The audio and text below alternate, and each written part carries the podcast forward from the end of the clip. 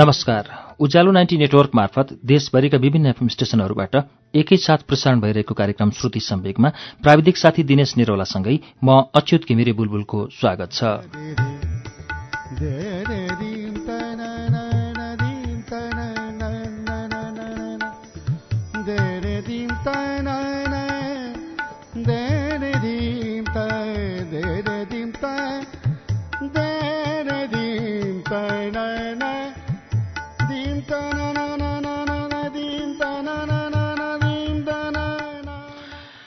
श्रुति सम्वेकको शुक्रबारको श्रृङ्खलामा हामी विगत एघार श्रृङ्खलादेखि सुबिन भट्टराईको उपन्यास समरलभको वाचन सुन्दै आएका छौं। गएको साता हामीले समरलभको दशौं श्रृङ्खला सुन्यौं। दशौं श्रृङ्खलासम्म आइपुग्दा ओस्लो पुगिसकेको छ। अतीत अब के हुन्छ? सुनौ सुबिन भट्टराईको उपन्यास समरलभको एघारौं तथा अन्तिम श्रृङ्खला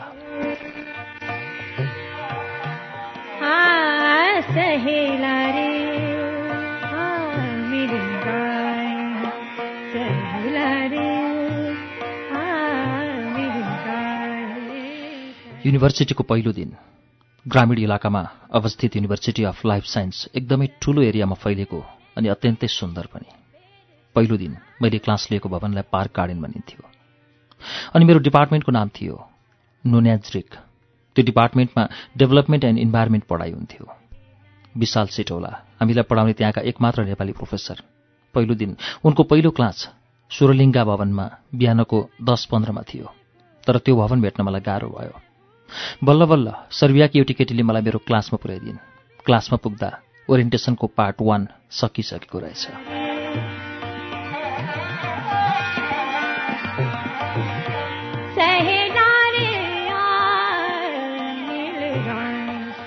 त्यहाँका क्लास फरक पढाउने शैली फरक म प्रमाणित भएँ प्रभावित भएँ त्यहाँको पढाइले। तैपनि टियुमा पढ्दाका दिन सम्झाइरहने। पहिलो दिन त म धेरै नै नोस्टाल्जिक भएँ। मलाई विगतले नराम्ररी अठ्याइरह्यो नराम्ररी चिमोटिरह्यो म झस्किरहेँ दुखिरह्यो भित्र कता अज्ञात स्थानमा पोलिरह्यो। मलाई एकपल्ट अतीतमा जान मन लाग्यो त्यही पुरानो जीवन एकपल्ट बाँच्न मन लाग्यो।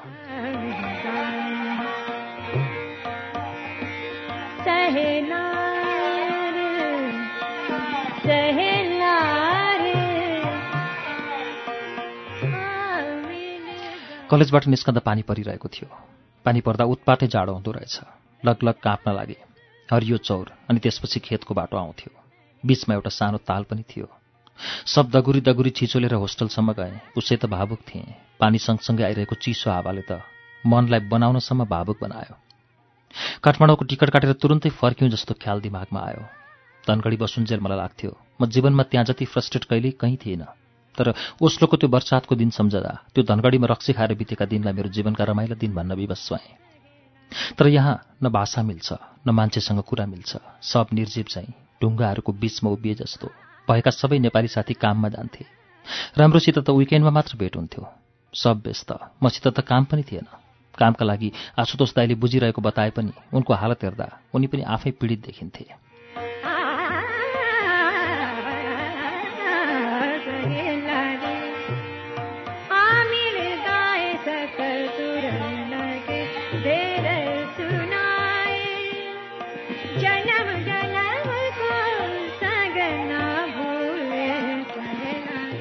सायाको मात्र कल्पनाले धनगढीका सबै स्टाफलाई मैले कहिल्यै महत्त्व दिइनँ। ओस्लोको त्यो झरीमा म एक एकलाई सम्झँदै थिएँ। मधुसूदन रामप्रीत उपेन्द्र सुस्मिता बलबहादुर नेत्र ड्राइभर। अझ मलाई भात खुवाउने दाईको पनि सम्झना भयो। चौराहा नजिकै केरा बेच्ने दिदीलाई पनि सम्झेँ जोसँग धनगढी बसुन्जेल म कहिल्यै राम्ररी बोलिनँ। मलाई पछुतो भइरहेको थियो। अहिले ती व्यक्ति प्रत्यक्ष भेट्न पाए म कस्तो फिल गर्दो कति खुसी हुँदो। कोठामा आइसकेर ढोकालाग गरेपछि थाम्नै सकिनँ। उहाँ उहाँ रोएँ सबै साथीभाइ सम्झी सम्झी रोएँ। रुन पुगेपछि मात्र आफ्नो शरीर भिजेको होस आयो अनि तौलिया झिकेर शरीर पुस्न लागे। त्यो दिन केही खान मन लागेन। सुतेको बुस्सुक्कै निधाएछु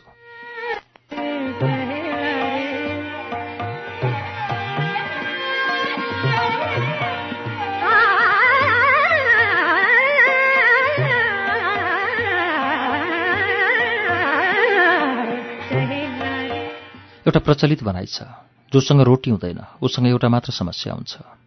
जोसँग रोटी हुन्छ उसँग धेरै समस्या हुन्छ। प्रेम रोटीभन्दा फरक थोरै छ र। नभए छैन भन्ने पिर भए पिरै पिर। सायाको कुनै खबर आएन। सायालाई नै भेट्न भनेर काठमाडौँदेखि नर्वेसम्म म पिरै पिर बोकेर आएको थिएँ। अझ कति पिर खेप्न बाँकी थियो। मैले त्यहाँ चिने जाने जति सबैलाई सोधिसकेको थिएँ। आशुतोष दाईलाई धेरैपल्ट भने तर उनी म सलिनालाई भेट्या बेला सोधिदिन्छु भनेर मलाई आश्वासन दिइरहन्थे। कामको व्यस्तताले उनको पनि सलिनासँग भेट भइरहेको थिएन।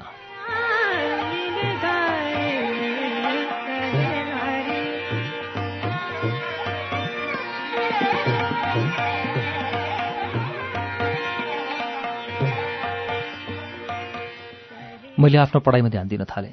पहिलो एक महिनाको एउटा अगस्त ब्लकको कोर्स अनि सेप्टेम्बरमा तिनवटा कम्पलसरी र एउटा चोइसको सब्जेक्ट।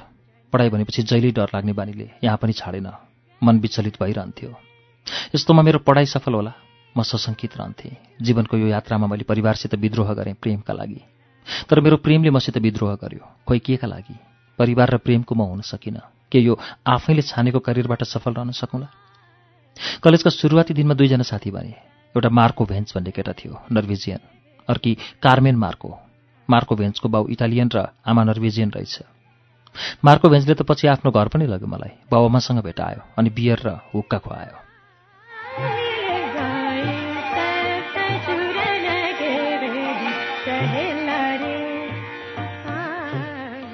बिस्तारै फ्यामिलियर हुन थालेँ।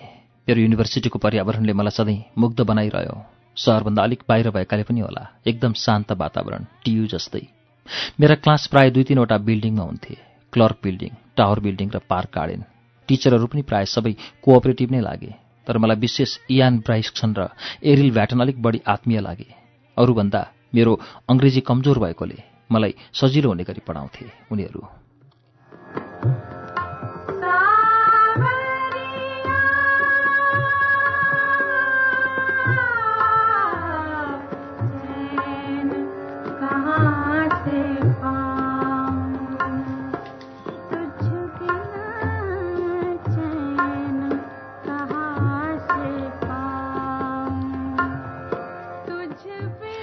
सुरु सुरुमा त विकेन्ड पनि खल्लो रह्यो।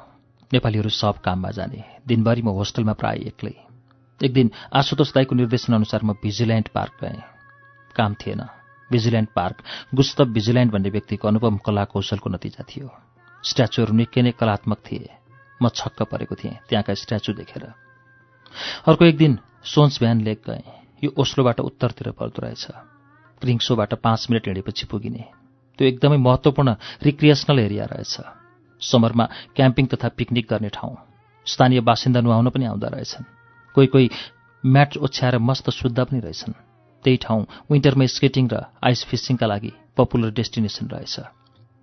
विशेष त्यो ठाउँ वर्षभरि जगिङका लागि रहेछ। त्यही भएर होला साइक्लिङ निषेधित थियो। म त्यो दिनभरि गीत सुनेर त्यही लेकको एउटा किनारमा बसिरहेँ। निकै बेरसम्म त्यहाँ आवत जावत गर्ने मान्छेलाई विचार गरिरहेँ। त्यो दिन त्यसरी सोन्स ब्यान लेकको किनारमा बसेर मैले ठिकै गरेँ। ओठाभित्र कोचेर बसेको भए म छटपटाउँथेँ मात्र। एक दिन आशुतोष दाईले मलाई ओस्रोमै रहेको एकर बिग्गी जाने सल्लाह दिए। त्यो ठाउँ पनि विसट्टै रमाइलो। समुद्र छेउ अवस्थित त्यो ठाउँ सपिङ डाइनिङ र मनोरञ्जनका लागि प्रख्यात थियो। एकदमै व्यस्त र भिडभाड भए पनि रमाइलो। एकान्त मन पराउनेलाई त्यति सुट नहुने खालको ठाउँ।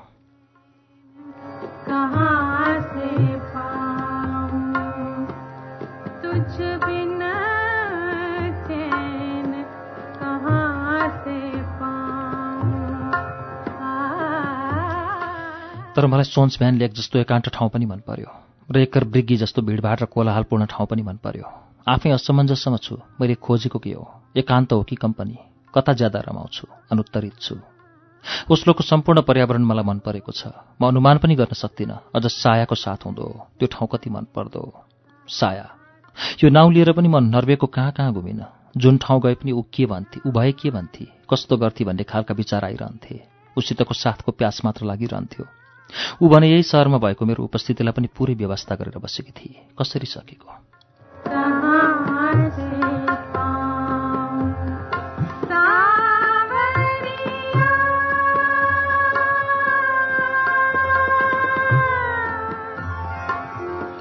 सम्पूर्ण रूपमा मेरी भइसकेकी साया एउटा प्यासमा सीमित भएकी थिए। मसित उच्चारण गर्न उसको त्यही नाउँ थियो जुन नाउँको मोहबाट मेरो प्रेमको यात्रा सुरु भएको थियो। टियुको बोर्डमा लिस्टमा सबभन्दा टपमा देखेको उसको नाउँ। ऊ अनलाइनमा पनि फेला पर्न छाडेकी थिए। सम्भवतः उसले फेसबुक मलाई लिमिट एभाइलेबिलिटीमा राखिदिएर च्याटमा नदेखिने बनाइदिएकी थिए। नत्र भने निरन्तर स्ट्याटस अपडेट गरिरहने मान्छे। मैले खोजेको कुनै समयमा किन अनलाइन भेटिन्न? मेरो मेसेजको रिप्लाई किन गर्दिनँ? धन्न उसले मलाई फेसबुकबाट डिलिट र ब्लक भने गरेकी थिइनँ एउटा विकेन्डमा सलिनाले हामीलाई बोलाइन्। हामी अर्थात् आशुतोष दाई म र निखिलेशलाई सलिनाकोमा बेला बेला विकेन्ड पार्टी हुँदो रहेछ। मलाई यो कुरा निखिलेशले नै भनेको थियो।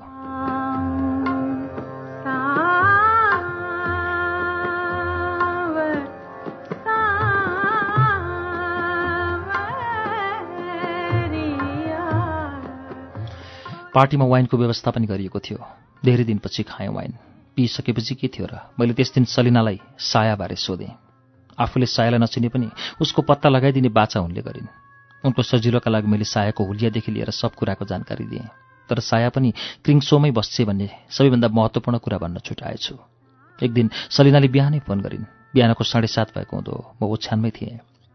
फोनमा सायाको पत्तो लागेको जानकारी दिइन्। म अलिकति खुसी भएँ। धेरै खुसी हुने ठाउँ थिएन। भेटिएर पनि खास त्यस्तो उपलब्धि केही हुनेवाला थिएन। सायाले नै त्यो ठाउँ राखिदिएकी थिएन। मेरो लागि ऊ भेटिनु एउटा खुसीको कुरो थियो भने उसका लागि म भेटिनु आतंक हुन सक्थ्यो। क्रिङसोमै रहेछन् सलिनाले भनिन्।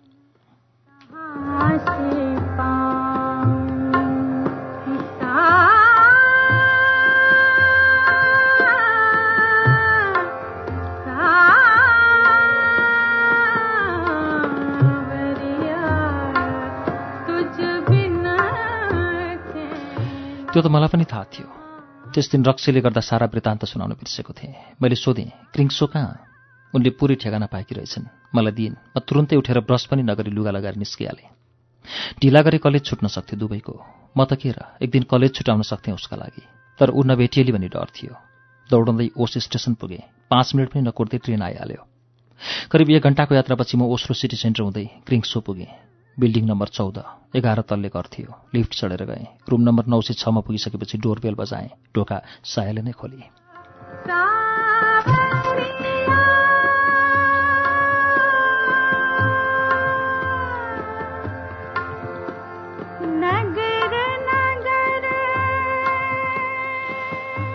ऊ एकछिनसम्म हेरेको हेरे भई जङ्गलमा बाघसित जम्का भेट हुँदा जस्तो अनुहार बनाएर एकदमै त्रस्त मलाई भित्र निमन्त्रण गरी सन्चै छेउ मैले उसको अनुहारमा हेरेर सोधेँ। ऊ मुसुक हाँसी जबरजस्ती अनि मलाई नै त्यो प्रश्न सोधी तिमी? मैले पनि उसले चाहिँ हाँसेर भने सन्चै छु छाया भित्र बेडमा लगेर बसाई। बेडमा बसिसकेपछि उसले मलाई कफी पिलाइ। त्यहाँ त्यति बेला हामी बिच विद्यमान परिस्थिति सक्दो औपचारिकता मलमलिएको थियो।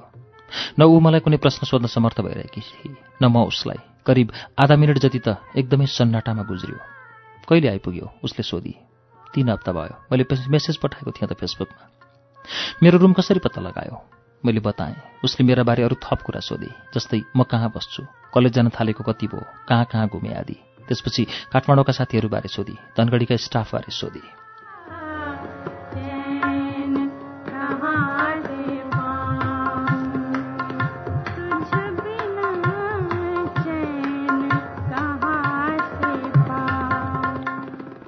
म उसको घरमा पुगेको थिएँ पाहुना थिएँ। कुनै कसर राखिनँ कमसेकम प्रश्न सोध्नलाई।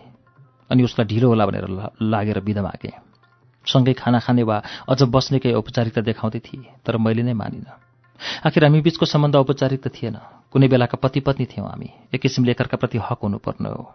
तर हाम्रो सम्बन्धको धागो उसैले नराम्ररी चुडाइदिएकी थिए। यति हुँदाहुँदै पनि केही मसिना धर्सा सुनिनबाट बचेको हुँदो त्यसैले त म टाढादेखि तानिँदा तानिँदै उसकोमा पुगेको थिएँ। सक्दो सम्हालिँदै। धेरै थोक गुमाएर केवल उसैको साथ पाउन।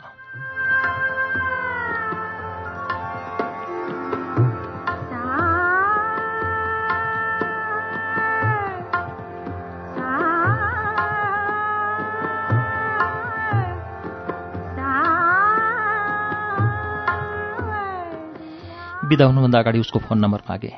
पहिलाको नम्बर उसले चेन्ज गरेकी रहेछ। जुन मलाई दिएकी थिइनँ सायद मैले पिछा गर्छु भनेर होला। नयाँ नम्बर दिन इन्कार गरिनँ। बारम्बार उसलाई मैले फोन गर्थेँ। उसले उठाउँथे पनि। म एसएमएस गर्थेँ। त्यसको रिप्लाई पनि ऊ गर्थेँ। तर उसले आफैले मलाई कहिले फोन गरिनँ न त एसएमएस नै पठाए। उसलाई म टर्चर गर्दिनँ भन्ने सोचेको थिएँ। तर कहीँ मेरो यस किसिमको हरकतले ऊ टर्चर फिल गरिरहेकी त थिइनँ एक दिन सोधेँ कतै मैले तिमीलाई टर्चर त गरिरहेको छुइनँ? शब्द फारो गरेर छैन भने। एक दिन राति क्रिङ्सोमा सलिनोकामा पार्टी हुँदै गर्दा रक्सी अलिअलि चढिसकेपछि उसलाई एसएमएस गरेँ। के तिमी अझै मलाई प्रेम गर्छौ? कुनै रिप्लाई आएन। जब जब कुरा हामी बिचको सम्बन्धको उठ्थ्यो ऊ मौन रहन्थे त्यो अर्को एक दिन पनि म उसैको रुममा गएँ।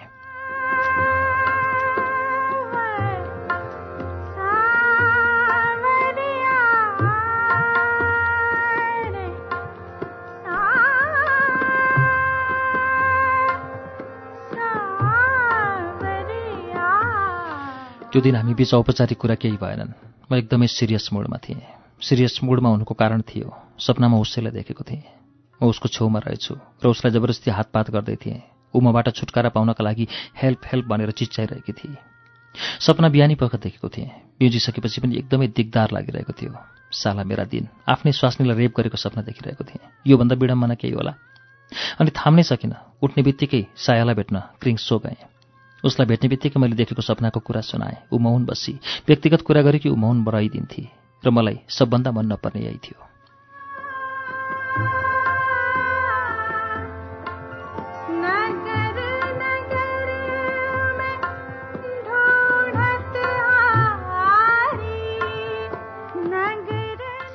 कमसेकम केही त बोलोस्। तितै भए पनि नमिठै भए पनि म सुन्न आतुर थिएँ। जुन जुन जिज्ञासा मभित्र थियो कमसेकम मेटाइदियोस्। अनि म एकदमै भावुक भएर उसलाई भन्न लागेँ प्लिज साया कहाँ के भुल भयो? कमसेकम एकपल्ट बोल। ऊ उही पुरानो संवादलाई सर्लक्क झिकेर पन्छे नखोजी। अर्थात् भनी त्यस्तो केही होइन। सब कुराको कारण हुन्छ साया। म थरथर काँप्दै गरेको आवाजमा भन्न लागेँ। के सबभन्दा महत्त्वपूर्ण कुरा प्रेम होइन? तिम्रै प्रेमका खातिर मैले आफ्नो घर त्यागेँ। आज सबथोक छोडेर यो बिरानो मुलुकमा म तिम्रो लागि मात्र आएको हुँ। मेरो करियर वास्तवमा उतै धनगढीमै राम्रो थियो। टन्न कमाइ थियो। ग्रोथ हुन सक्थ्यो। मेरो घर बा मेरा बाबुआमा उतै थिए। यहाँ मेरा लागि के छ? भन्न त भनिलिउ कि मैले भनेर आएका थियौ र? तिमीलाई भन्ने ठाउँ छ। तर साया मेरो यो यत्रो सेक्रिफाइसलाई अलिकति त बुझ। ऊ फेरि चुप लागे। म नै अघि सरेर फेरि बोलेँ मलाई एउटा मात्र कुराको जवाफ देऊ साया। मैले भने नर्वे आइपुगेको एक महिनामै मसित बिहा गर्ने भनेर धनगढी आउने सायाले मसितको सम्बन्धलाई के का लागि तोडी? प्लिज मलाई यसको जवाफ देऊ। कहाँ गयो त्यो प्रेम?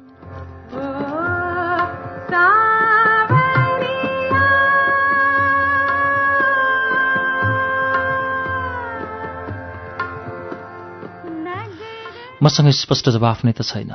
म के भनौँ? ऊ भन्न लागि जीवन धेरै लामो छ अतीत। आफ्नो लागि मात्र बाँचिने होइन रहेछ।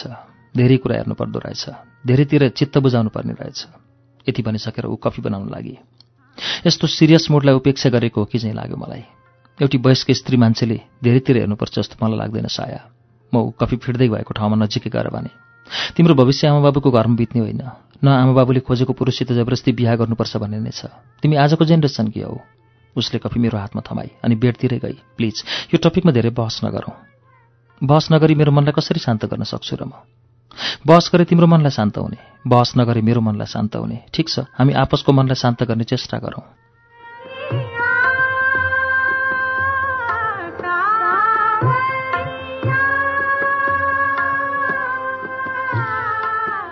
यस्तो कुरा गर्छु बोल्ने ठाउँै राख्दिनँ। के भनौँ म? उसले भर्खरै हातमा थमाएको कफी एक सुरको पनि नलगाई। त्यहीँ राखिदिएर हिँडे म ठिङ्ग एकै ठाउँ उभिएको उभिइरही मेरा कैयौँ रातमा ऊ पटक पटक विभिन्न किसिमका मिठा सपना बनेर आइ नै रही। म झेल्दै गएँ। त्यो रातको भोलिपल्टको पुरा दिन म झस्किरहन्थेँ। बिरालो देखेको मुसा चाहिँ।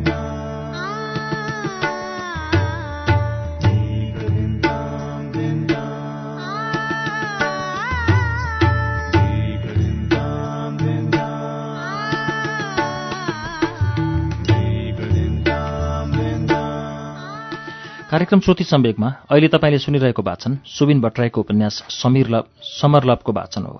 यसको बाँकी अंश केही बेरमा वाचन हुनेछ। उज्यालो सुन्दै गर्नुहोला।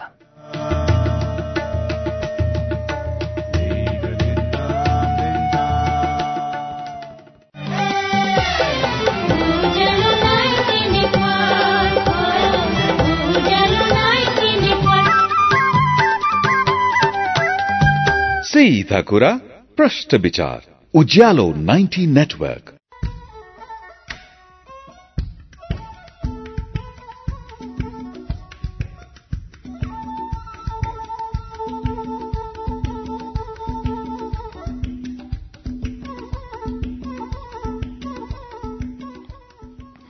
कार्यक्रम श्रुति सम्वेगमा पुनः स्वागत छ। तपाईँ अहिले उज्यालो नाइन्टी नेटवर्क काठमाडौँसँगै कञ्चनपुरको रेडियो राष्ट्रिय कालीकोटको रेडियो नयाँ कर्णाली जुम्लाको रेडियो कर्णाली हुम्लाको रेडियो कैलाश बैतडीको रेडियो सन्सेर दार्चुलाको नयाँ नेपाल एफएम दार्चुला एफएम र रेडियो मल्लिकार्जुन सुर्खेतको बुलबुले एफएम कैलाली टिकापुर र गुलेरियाको फुलबारी एफएम कैलाली एफएम कैलालीको रेडियो अपी दैलेखको ध्रुवतारा एफएम जाजरकोटको रेडियो हाम्रो पाइला अछामको रेडियो रामारोशन सल्यानको रेडियो राप्ती बाँकेको रेडियो कोवलपुर नेपालगंजको रेडियो बागेश्वरी कपिलवस्तुको रेडियो बुद्ध आवाज गुल्मीको रेडियो रेसुङ्गा बुटबलको रेडियो रिपब्लिक दाङको radio Madhyapaschim radio Prakriti FM र नयाँ युग एफएम रेडियो प्युठान बागलुङको रेडियो सार्थी एफएम र गलकोट एफएम गोर्खाको Gorakhkali FM दमौलीको radio Bhanubhakta radio Dhor Barahi radio Bandipur र स्मार्ट एफएम पोखराको रेडियो तरंग पाल्पाको पश्चिमाञ्चल एफएम र रेडियो रामपुर रुकुमको रेडियो सिस्ने फलेवासको रेडियो पर्वत चितवनको रेडियो अर्पण रेडियो त्रिवेणी र रेडियो चितवनबाट पनि श्रुति सम्वेक सुनिरहनु भएको छ। त्यसै गरी मकवानपुरको हेटौँडा एफएम काभ्रे दुलीखेलको रेडियो सेफर्ड नुवाकोटको रेडियो त्रिशुली र रेडियो जाल्पा दोलखाजिरीको रेडियो हिमाली रामेसाबको रेडियो तीनलाल रौतहटको नुन्थर एफएम सर्लाहीको रेडियो एकता मुक्तेश्वर एफएम र ढुकढुकी एफएम खोटाङको Halesi FM सिन्धुलीको radio Sahara radio Bardibas Janakpur FM भोजपुरको radio चमलुङमा एफएम रेडियो तेह्रथुम उदयपुरको रेडियो त्रियुगा सोलुखुम्बुको शिखर एफएम धरानको विजयपुर एफएम मोरङको रेडियो सुनाखरी विराटनगरको रेडियो पूर्वेली आवाज झापाको एफएम मेचिट्युन्स र बिर्ता एफएम रेडियो ताप्लेजुङ र इलाम एफएमबाट पनि एकैसाथ श्रुति सम्वेक प्रसारण भइरहेको छ।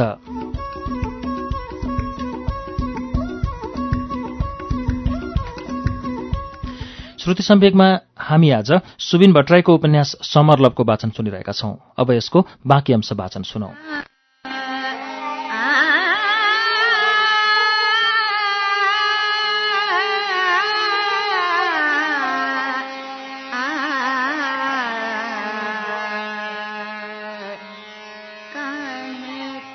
ओस्लो पुगेको एक महिनासम्म केही काम पाइनँ। मेरा लागि काम खोजिदिने पहल गर्ने साथीहरू थुप्रै थिए तर उनीहरू आफै पीडित थिए। मलाई के काम मिलोस्? अनि यस्तोमा मैले ब्याङ्कमा भएको पैसा पनि सबै मधुसूदन र किरणहरूलाई फिर्ता पठाइदिइसकेको थिएँ। खाने पैसा पनि क्रमशः सकिँदै जान थाल्यो। पहिला पहिला मन मात्र दुख्थ्यो अब टाउको पनि दुख्न थाल्यो। चाँडोभन्दा चाँडो काम नपाए भोक भोकै पर्ने स्थिति हुन सक्थ्यो। कलेजमा पनि चिने जाने जति सबैलाई भन्दै आएको थिएँ तैपनि काम भेटिरहेको थिएन। मसित पैसा निमिट्यान्न भइसकेको थियो। एक किसिमले धेरै नै हात्तिएको थिएँ। त्यहाँका नेपाली साथीहरू पनि एक दुई छाक नखाउनु सक्थे। पार्ट टाइम काम गरेर कमाएको पैसाले कति पुगोस्? बिचराहरू पैसा नहुँदा त्यति घुमफिर गर्न पनि रुचाउँदैनथे। एउटा रमाइलो भनेको त्यही महिनाको एक दुईवटा विकेन्डमा सरिनाको घरमा हुने रमाइलो थियो। उनीहरूले काम पाइरहेको अवस्था परे त्यही विकेन्डमा पनि भेट्न नपाइने।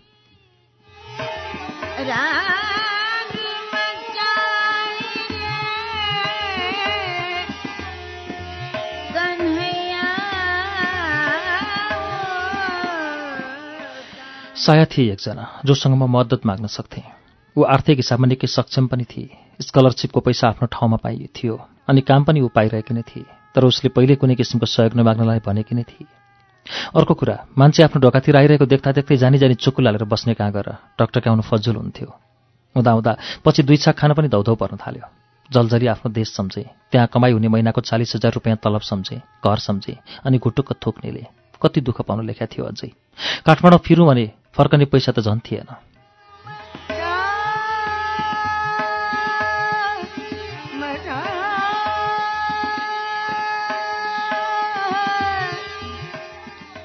पैसा सकिएको एक महिनासम्म उधारोमै चले। दसैँ लाग्ने बेला भएको थियो। एक वर्ष अघिको दसैँ सम्झेँ। न त्यो दसैँ ठिक थियो न यो दसैँ ठिक। फेसबुक खोल्यो। नेपालीहरूको खुसीको माहौलले भरिएका स्ट्याटस मात्र। डाहाई लाग्ने। टिकाको दिन त्यही बेला भएका नेपाली मिलेर आपसमा टिका लगायौँ। सलिना नै ओस आइन। सेलिब्रेट भयो लगाइयो। अनि सायालाई एउटा एसएमएस पठाएँ। ह्याप्पी दसैँ। उताबाट रिप्लाई आयो सेम टु यु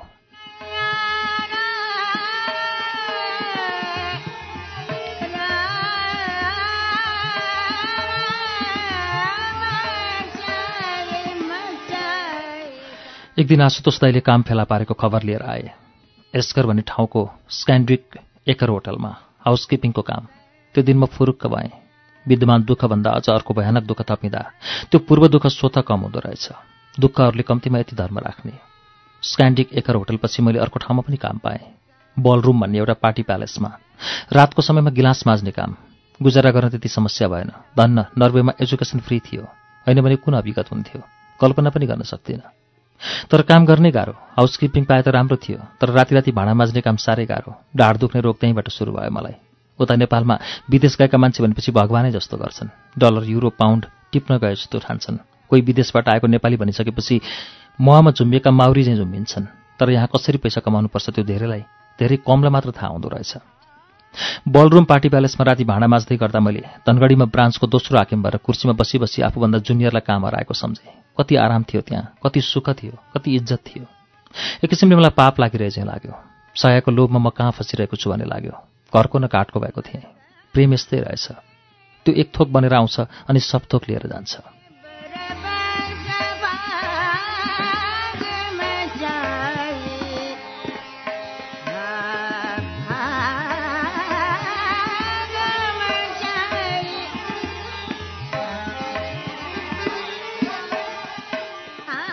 म अहिले बुझिरहेछु जीवनमा प्रेम गरेर के पाएँ? मेरो विगतको चार वर्षलाई आफ्नो मस्तिष्कमा दोहोऱ्याउँदा मैले पाएको कतै केही देखिनँ। यदि केही पाएकै हुँ भने त्यो सब गुमाइसकेँ। यसैले भनेको प्रेम मेरो जीवनमा एक थोक भनेर आयो अनि सब थोक मबाट लिएर गयो। म पुरै नाङ्गिएको थिएँ। मसित केही पनि थिएन। लाग्थ्यो म जति रुखिएको मान्छे यो संसारमा कोही थिएन। पानीको स्पर्श भेट्न नसकेको अफ्रिकाको भूमि जस्तै रुखिएको थिएँ म।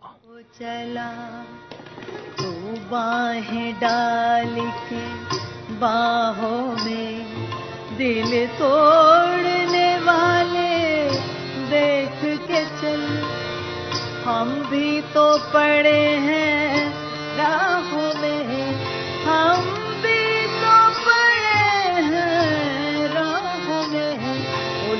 की नई मंजिल हिउँद लाग्यो क्रिसमस मनाइसकेपछि हिमपात हुन थालेको थियो। बाहिर फेर निस्कनै नसकिने। पहिलो स्नोफलमा बाहिर निस्केर हिउँ खेलाएँ। बेलुकी रुगा र ज्वरोले दुःख दिनसम्म दियो कलेज र होस्टलमै सीमित रहन थाले दिनहरू। सम्पूर्ण ओस ताम्बे भएको थियो। म होस्टेलबाट कलेज जाँदा बाटोमा पिँडुलासम्म हिउँ हुन्थ्यो। ओभरकोट मफलर पन्जा जे जे लगाए पनि चिसोले समातिहाल्ने। बेलुकी सुतेको कति बेरसम्म जिउ तात्दैनथ्यो बाटो हिँड्दा त झन् कसैसित बोल्न मन नलाग्ने। बोल्यो कि मुखभित्र चिसो बसिहाल्थ्यो।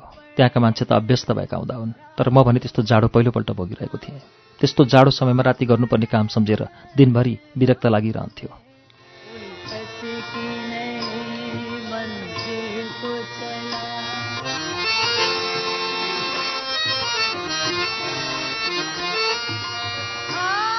ओस्लोमा विकेन्ड र सेलिब्रेसनको भने सधैँ प्रतीक्षा रहन्थ्यो। सेलिब्रेसन बिनाको विकेन्ड त कल्पना गर्न पनि मन लाग्ने सबै नेपाली साथी भेला भएर बसेको दिन दसैँमा घर गए जत्तिकै लाग्थ्यो। तर सबै नेपाली साथीहरू सँगै हुने दिन कहिले आएन। कहिले एकजना काममा गइरहेको हुन्थ्यो कहिले अर्को। हामी चारजनाको कम्पनी बढी रा बडो राम्रो बनेको थियो। म सधैँ सायालाई त्यो कम्पनीमा भएको हेर्ने आश गर्थेँ। तर साया सपनामा मात्र सीमित हुन थालेकी थिए। हो सपनामा भने ऊ आउन छाडेकी थिएन। बेला बेला सपनामा ऊ ऐठन भनेर आइरहे। म तडपिरहेँ। एक दिन त्यसै गरी ऊ सपनामा आए म पानी पिउन खोज्दै थिएँ। एउटा नजिकै कुवा रहेछ। म त्यो कुवामा रहेको पानी खान अगाडि लम्किँदै थिएँ तर ऊ मेरो हात समातेर मलाई अल्झाइरहेकी थिए। म त्यो हातबाट आफूलाई फुत्काउने यथेष्ट बल गर्दै थिएँ तर सकिरहेको थिइनँ तिर्खाली मुख च्याप च्याप सुकेको थियो। घाँटीबाट थुक पनि निल्न सकिरहेको थिइनँ झल्यास बिउजेँ। मेरो मुख गुइठा चाहिँ भएको थियो। उठेर आधा बोतल पानी खाएँ। घडी हेर्दा बिहानको सात मात्र बजेको थियो। झ्याल बाहिर हेरेँ। सिमलका भुवा चाहिँ हिउँ फुसफुस चरिरहेको थियो।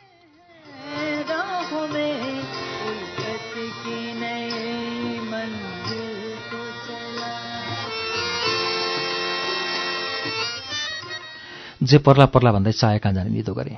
थर्मोकोट ज्याकेट र भर्खरै किनेको खाकी कलरको ओभरकोट लगाएँ। प्रतीक्षासित गएर ठमेलमा किनेको पश्मिनाको मफलर बेरेँ अनि त्यहीँ किनेको पन्जा लगाएर निस्केँ। ओस्लो सेन्ट्रल गएर तेवान कुर्न लागेँ। स्टेसनमा मान्छे धेर थिएनन्। स्टेसन पनि हिउँले ढाकिएर सेताम्बे थियो। वर्करहरू हिउँ पन्छाउँदै थिए। करिब पन्ध्र मिनट कुरिसकेपछि तेवान आयो। आधा घन्टामा म क्रिङ्क सो पुगिहालेँ यस्तो ठन्डीमा किन आयो? आँखा मिच्दै ढोका खोलेकी सायरे मलाई देख्न साथबारी सक्दो कुल रहन खोज्दै निकै हँसमुख लवजमा मैले भने सपनामा देखियो विपनामा भेट्न मन लाग्यो। उसले भित्र आऊ भने अरू केही भनिन। ओभरकोट फुकालेर मैले उसले लुगा टाँगेको ठाउँमा टाँगेर बेडमा बसेँ। कफी खुवाउँदिनँ? बुढी हक जताएर यो पनि हाँस्दै एकदम प्रफुल्लित मुद्रामा भने ऊ जिल्लिरहेकी थिए आँखा च्यातेर मलाई अझ मेरा प्रत्येक सम्वादलाई सुनिरहेकी थिए। के छ त नयाँ प्रगति साया? केही पर कफी बनाउँदै गरेकी उसलाई मैले अलिक ठुलो स्वरले सोधेँ। सब ठिक छ उसले भने कफी ल्याएर दिए। कफीका लागि धन्यवाद। मैले भने हसमुख एटिच्युडलाई नै निरन्तरता दिँदै। ऊ फेरि जिल्ली रहेर मलाई हेरिरहे।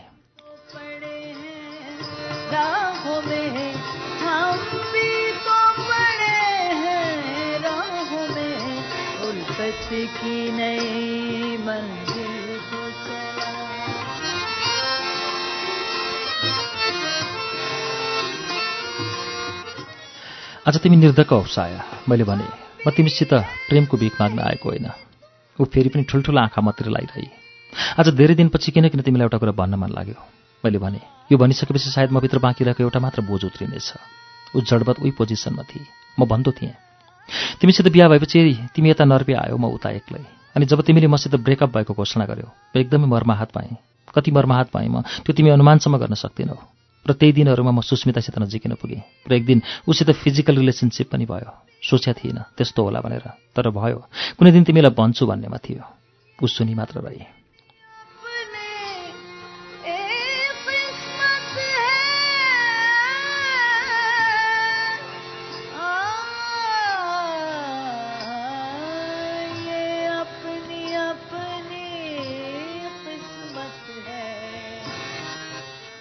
भन्दै गएँ तर म आज तिमीलाई त्यो कुरा किन सुनाइरहेको छु थाहा छैन। त्यो बोझ थियो त्यो बोझ मनमा लिएर हिँडिरहेको थिएँ कहीँ बिसाउनु पर्थ्यो। र त्यो बिसाउनलाई योभन्दा उचित परिवेश र ठाउँ कहीँ लागेन। तिमी त्यसलाई कुन रूपमा लिन्छौ त्यो तिम्रो खुसी। तर म जुन अवस्थाबाट गुज्रिएको थिएँ आफूले गलत गरेँ भन्दिनँ। दुवैको स्वीकारोक्तिमा भएको थियो त्यो आखिर। म एकछिन रोकिएँ उसको अनुहारमा कुनै पृथक हावभाव देखिएन। मैले भने तिमी मलाई माया गरेर पर्वर्ट भन्थ्यौ तर त्यति बेला म साँच्चै पर्वर्ट भएको हुँदो हो। साया म पर्वर्ट भउँदो हुँ तर धोकेबाज होइन।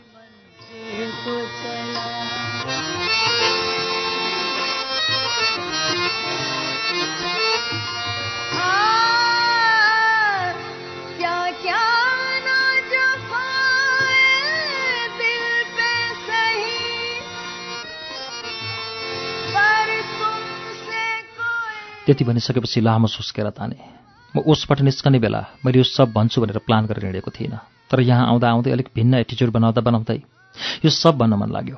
यसै दूरी उसै दूरी भनेर पनि हिम्मत आएको होला। यो कुरा भनिसकेपछि मनमा बेग्लै आनन्द पनि आयो। शरीरमा बिजेको काँडा निकालेर फालेपछिको स्थिति चाहिँ हलुङ्गो महसुस भयो। कति कफी खत्तम भइसकेको थियो। कप भुइँमा राखेँ। सक्यो साया। मैले भने के? यति सोधी उसले? कफी र कुरा मैले भने अनि बसिरहेको ठाउँबाट जुरुक्क उठेर ओभरकोट लगाएँ। ऊ मलाई छोड्न ढोकासम्म आई। म गइसकेपछि ढोका लगाएको आवाज सुनियो।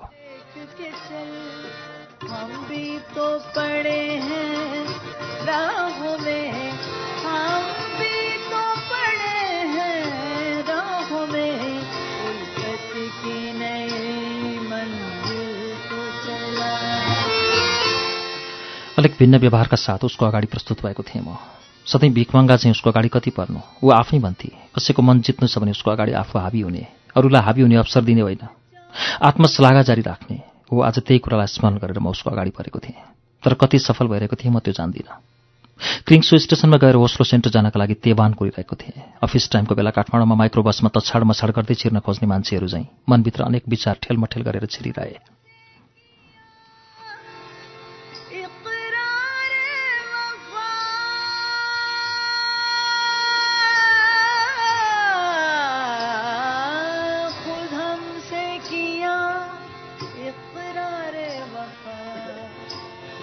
साया भन्थे संसार परिवर्तनशील छ। साया मात्र के सबै यसो भन्छन्। आज रहेको कुरा भोलि नरहन सक्छ। कुनै बेला साया मलाई प्रेम गर्थे आज गर्दिनँ। र सायद भोलि फेरि गर्ली। यो पनि संसार परिवर्तनशील हुनुको एउटा उदाहरण हो। मान्छेका भावना सोचाइ पनि ऋतु चाहिँ परिवर्तनशील छ। म स्पष्टसित भन्न चाहन्छु कि म निराश छैन। र म कमजोर पनि छैन। म कमजोर नहुनुको सबभन्दा ठुलो प्रमाण यो छ कि म आजसम्म पनि जीवित छु।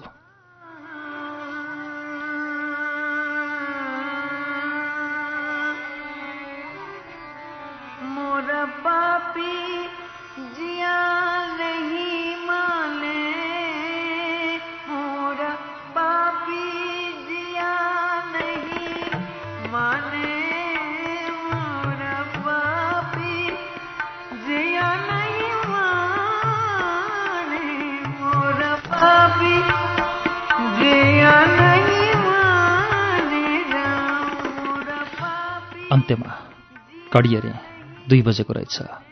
रात पुरै छर्लङ्ग भने हुन पाएको थिएन। अब्जर्भेसन लाउन्जमै थियौँ हामी। लाउन्जमा एक दुईजना मान्छे कफी पिउँदै बसिरहेका थिए। उसको कथा सुन्नुभन्दा पहिले एउटा डायरी त्यहीँको सपिङ सेन्टरमा गएर किनेको थिएँ। त्यो डायरी फुल भइसकेको थियो। कति कुरा डायरीमा टिपोट गर्न सकिनँ। सायद सम्झिन्छु होला भन्ठाने। तर यो लेख्ने क्रममा पछि के लाग्यो भने उपन्यास चार पाँच सय पेजको होला। यसैले सम्झेका कतिपय घटनालाई नसम्झे चाहिँ गर्न विवस्त पाएँ।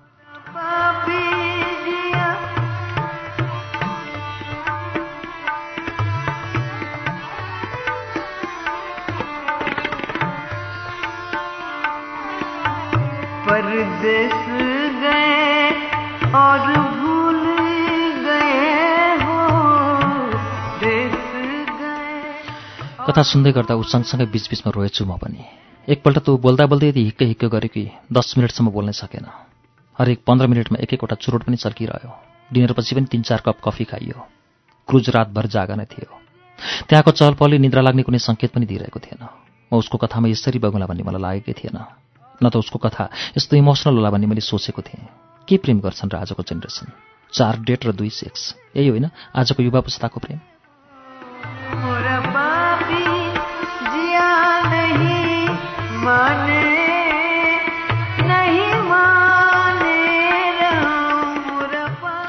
सबै कुरा भनिसकेपछि उसले डेकमा छँदा गोजीमा लुकाएको त्यो रुमाल झेकेर मलाई देखाउँदै भनेको थियो सायाले बिछोडिने बेलामा दिएको रुमाल जुन त्यस दिन जल्नबाट बसेको थियो।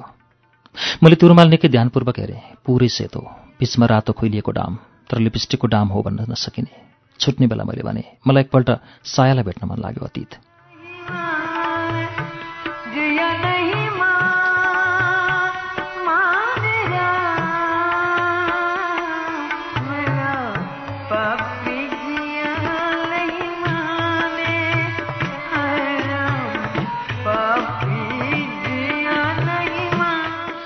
माने उसित यति आत्मीय भइसकेको छु कि अतीतजीबाट अतीतमा झरेछु। तर उसले सम्बोधनको विषयलाई लिएर त्यस्तो खासै केही प्रतिक्रिया दिएन। के गर्नुहुन्छ उसलाई भेटेर?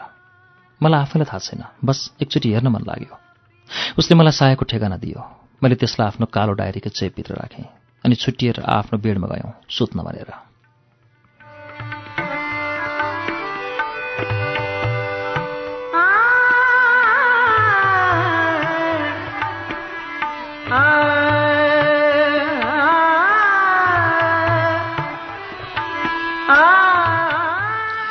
खाटमा पल्टिएँ सुत्न खोजेँ तर निद्रा मेरो बसमा पर्ला जस्तो पटक्कै लागिरहेको थिएन।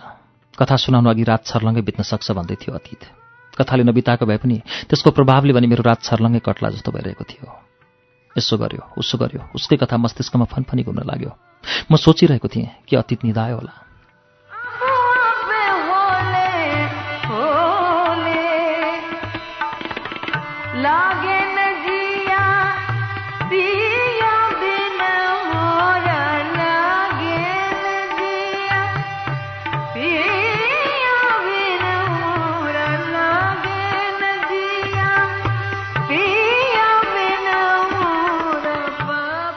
कथा एकतर्फी मात्र भयो होला भन्ने भएले मलाई सायासित भेट्न मन थियो।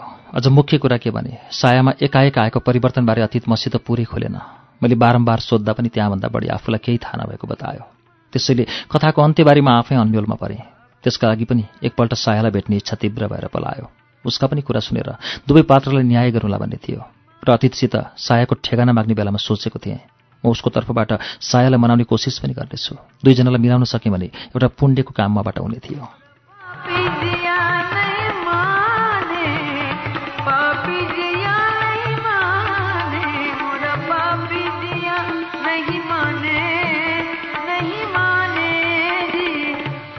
यही सोचेर क्रुजबाट फर्किने बित्तिकै म क्रिङ सो गएँ।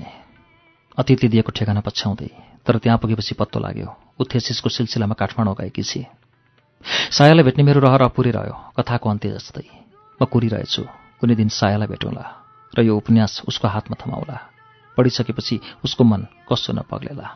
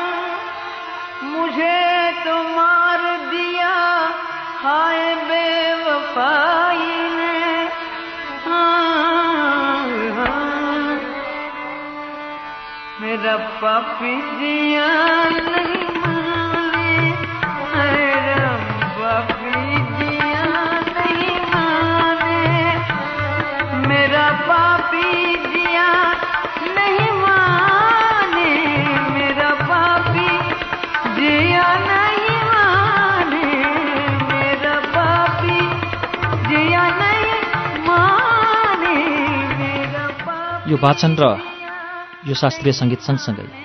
अब सुबिन भट्टराईको उपन्यास समरलभको दुई सय छयालिसौँ पृष्ठमा आएर हामीले यो उपन्यासको वाचन पूरा गरेका छौँ। श्रुति सम्वेकमा यतिन्जेल तपाईँ सुबिन भट्टराईको समरलभको वाचन सुन्दै हुनुहुन्थ्यो। कार्यक्रमबारे तपाईँका सल्लाह सुझाव वा प्रतिक्रियाका लागि हाम्रो ठेगाना कार्यक्रम Shruti Sambeg Ujyaalo ninety network post box number छ चार छ नौ काठमाडौँ। इमेलका लागि S H R U T I Shruti at UNN dot com dot NP हाम्रो ठेगाना रहेको छ।